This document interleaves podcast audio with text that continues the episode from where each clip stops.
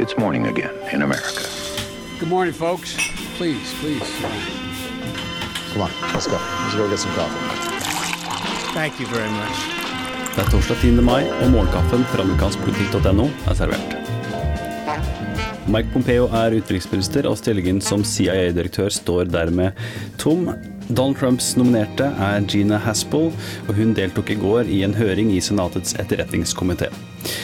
Hun gjorde det greit, og de aller fleste oppsummerer det her med å si at hun har styrket sin sjanse til å bli godkjent som ny CIA-direktør. Men vi kan høre et par lydklipp for å høre litt mer av hva som foregikk i høringen. Først senator Kamal Harris, demokrat fra California som snusser på et 2020-kandidatur. Hun er et godt eksempel på demokratenes tilnærming. Kan høre litt her. So one question I've not heard you answer is Do you believe that the previous interrogation techniques were immoral? Senator, I believe that CIA officers to whom you referred. It's a yes or no answer. Do you believe the previous interrogation techniques were immoral? I'm not asking, do you believe they were legal? I'm asking, do you believe they were immoral?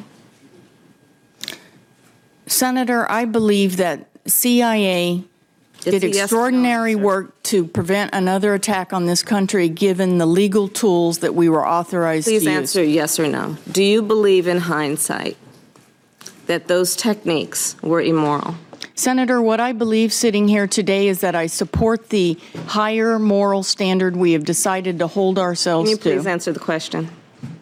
Senator, I, I think I've answered the question. No, you've not. Do you believe the previous techniques, now armed with hindsight, do you believe they were immoral? Yes or no? Senator, I believe that we should hold ourselves to the moral standard outlined in the Army Field Manual.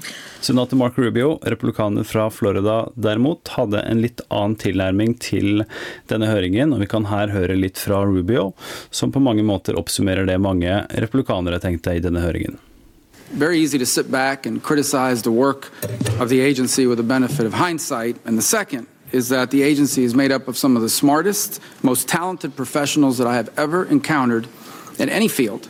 With your history, with your record of service and sacrifice and excellence, if someone like you cannot be confirmed to head this agency, then who can? And if someone like you is smeared in this process, what message are we sending to the young men and women who today are serving our country in the same roles in which you have served our country over the last 30 years? And I thought it Joe Manchin fra West Virginia, demokraten som vant sitt primærvalg på tirsdag, har nå sagt at han kommer til å stemme ja for Haspel.